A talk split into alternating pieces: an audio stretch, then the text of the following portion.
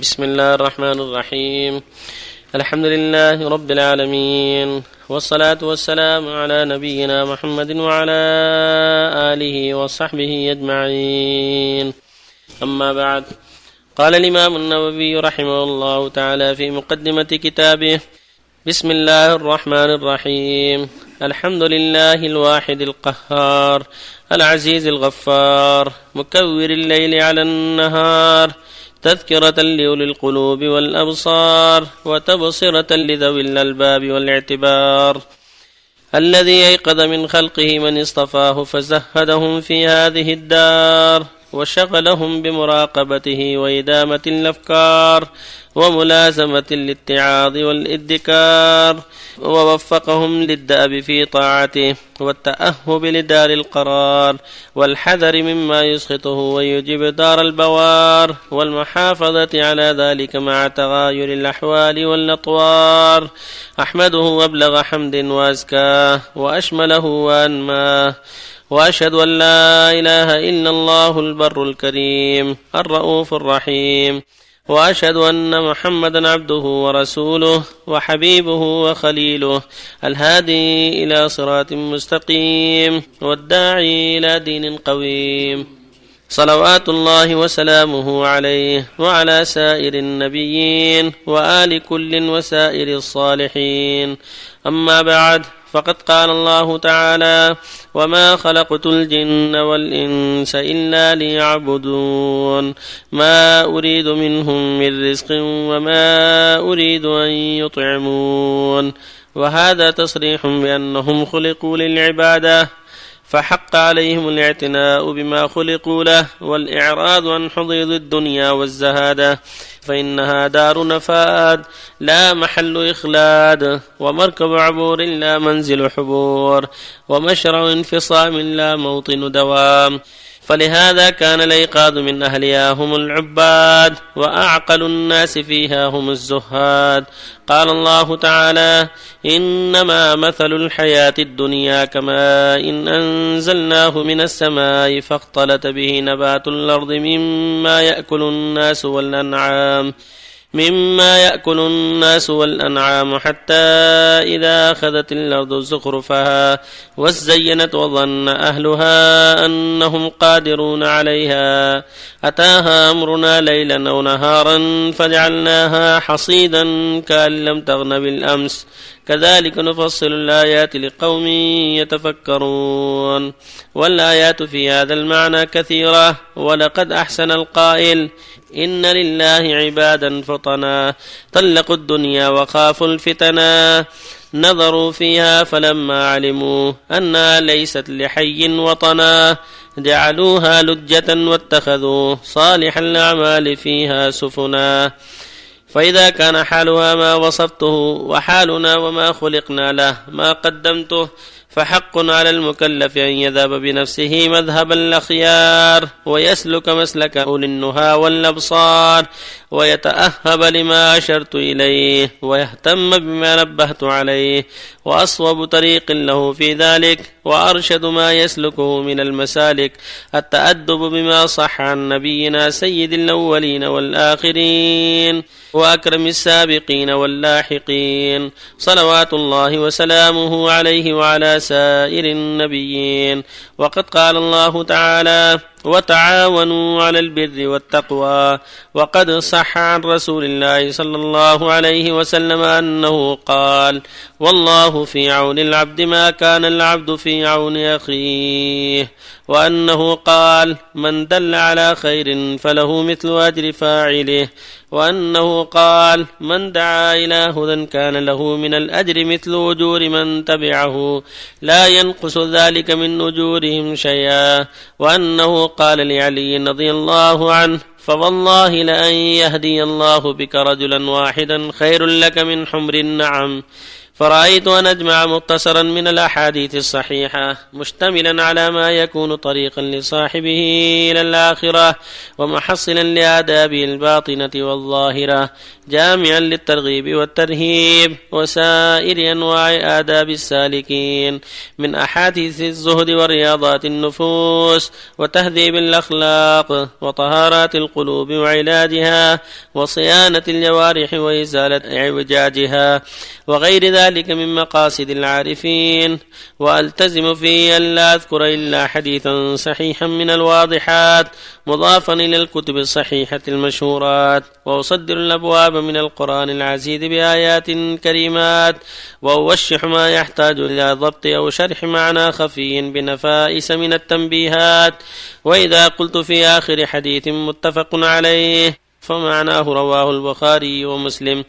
وأرجو إن تم هذا الكتاب أن يكون سائقا للمعتني به إلى الخيرات حاجزا له عن أنواع القباح والمهلكات وأنا سائل أخا انتفع بشيء منه أن يدعو لي ولوالدي ومشايخي وسائر أحبابنا والمسلمين أجمعين. وعلى الله الكريم اعتمادي وإليه تفويضي واستنادي وحسبي الله ونعم الوكيل. ولا حول ولا قوة إلا بالله العزيز الحكيم. بسم الله الرحمن الرحيم. الحمد لله وصلى الله وسلم على رسول الله وعلى آله وأصحابه من اهتدى بهدى أما بعد فقد بدأ المؤلف كتابه رياض الصالحين رحمه الله وهو أبو زكريا يحيى النووي بهذه المقدمات الحسنة. ولقد أجاد في هذا الكتاب وأحسن رحمه الله. قد كتب الله لكتاب هذا النجاح والرواج بين المسلمين. وانتفع به المسلمون في كل مكان. وكتاب مختصر جيد جامع للأحاديث الصحيحة والحسنة وقل فيه الضعيف. في أبواب كثيرة من أبواب العبادات وأبواب المعاملات فأحسن في هذا جزاه الله خيرا. وقد بين في هذه الخطبة ما ينبغي بيانه من ان هذه الدار دار العمل وليست دار إقامة وليست دار خلد ولكنها دار عبور دار مسيرة إلى الآخرة. واستعداد للآخرة. فالواجب على أهلها أن يعدوا العدة للآخرة. لأنهم خلقوا ليعبدوا الله. قال تعالى وما خلقت الجن والإنس إلا ليعبدون. يا أيها الناس اعبدوا ربكم الذي خلقكم والذين من قبلكم لعلكم تتقون. وأنزل الكتب جل وعلا لهذا وأرسل الرسل لهذا. كما قال سبحانه وتعالى كتاب محكمت آياته ثم فصلت لدن حكيم خبير. ألا تعبدوا إلا الله. قال تعالى كتاب أنزلناه إليك مبارك ليدبروا آياته وليتذكر أولو الألباب. قال سبحانه كتاب أنزلناه إليك لتخرج الناس من الظلمات إلى النور. بإذن ربهم إلى صراط العزيز الحميد. ويقول سبحانه هذا بلاغ للناس. هذا القرآن بلاغ للناس. والسنة كذلك بلاغ. كما قال صلى الله عليه وسلم إني أوتيت القرآن وله معه قال بلغوا عني ولو آية. فالواجب على أهل العلم أن يبلغوا عن الله وعن رسوله. ما جاء بالكتاب والسنة. والكتاب هو القرآن هو أصل كل خير وهو أشرف كتاب وأعظم كتاب وأصدق كتاب كتاب الله القرآن فيه الهدى والنور. إن هذا القرآن يهدي التي هي ثم سنة الرسول صلى الله عليه وسلم وأحاديثه الصحيحة فيها أيضا البيان والإيضاح والشرح والتفسير لكتاب الله عز وجل. وفي كلام أهل العلم أيضا إيضاح ما قد يشكل. فالعلماء يبينون ويرشدون ويوضحون ما دل عليه الكتاب والسنة. فهم خلفاء الرسل في بيان الحق. والدلاله عليه. وأنت يا عبد الله مخلوق لعباده وما خلقت الجن والإنس إلا ليعبدون. فالواجب عليك أن تتعلم وأن تفقه في الدين وأن تعرف هذه العبادة ما هي العبادة التي أنت مخلوق لها؟ هي توحيد الله والإخلاص له وطاعة أوامره وترك نواهيه. هذه العبادة التي أنت مخلوق لها والرسل بعثوا بها. فالواجب الاستعداد للآخرة والتأهب وأخذ الحذر وأن تكون في هذه الدار مشمرا في طاعة الله. عاملا بما يرضي الله مستعدا للقاء الله حذرا من معاصي الله. لأنك في هذه الدار غير مخلد لست بمخلد بل أنت ضاعن منها ولا تدري متى تضعن. هل بقي من عمرك قليل أو كثير؟ فالواجب الحزم والحذر. قد أخفى الله على الناس آجالهم ليستعدوا للآخرة دائما وليحذروا التمادي في أسباب الهلاك. وربك هو الحكيم العليم. قال جل وعلا وما هذه الحياة الدنيا إلا متاع الغرور. قال سبحانه أرضيتم بالحياة الدنيا من الآخرة؟ فما متاع الحياة الدنيا في الآخرة إلا قليل. قال تعالى يا أيها الذين آمنوا خذوا حذركم. وقال جل وعلا إنما مثل الحياة الدنيا كما إن أنزلناه من السماء فاختلط به نبات الأرض مما يأكل الناس والأنعام حتى إذا أخذت الأرض زخرفها وزينت وظن أهلها أنهم قادرون عليها أتاها ليلا نهارا فجعلناها حصيدا كان لم تغنى بلمس كذلك نوصل الآيات لقوم يتفكرون. هذه مثل الدنيا. روضة خضراء ثم جاءتها العواصف يبست وانتهت. هكذا الدنيا. بينما الإنسان في سرور ونعمة جاءه الأجل وانتقل إلى الدار الأخرى. ليس له إلا عمله. ولهذا قال بعدها سبحانه والله يدعو إلى دار السلام. بعد ما ذكر الدنيا وأنها دار الفناء والزوال قال بعدها والله يدعو إلى دار السلام. وهي الجنة. دار السلام. ما فيها ضعن. ولا موت ولا أمراض ولا جوع ولا عطش ولا خوف. دار السلام. دار يعني سالمة من كل ما يضرك ومن كل ما يسوءك. والله يدعو إلى دار السلام ويهدي من يشاء إلى صراط مستقيم. فالواجب على المكلف أن يهتم وأن يحرص على الاستعداد لدار السلام. هذه الدار ما هي دار السلام دار الفتن والامتحان دار الابتلاء والاختلاف. فالواجب الحذر من الركود إليها وإيثارها على الآخرة. وأن تعد العدة للقاء ربك لأنك في هذه الدار مرتهن كعارية كمسافر. فإذا كنت تعلم أنك كالمسافر فأعد العدة. ولهذا قال النبي صلى الله عليه وسلم عمر يكون في الدنيا كأنك غريب أو عابر سبيل. وكان ابن عمر يقول إذا أصبحت فلا تنتظر المساء وإذا أمسيت فلا تنتظر الصباح وكن من صحتك لمرضك ومن حياتك لموتك. فالعبد في هذه الدار ضاع كالمسافر ما يدري متى يهجم عليه الأجل.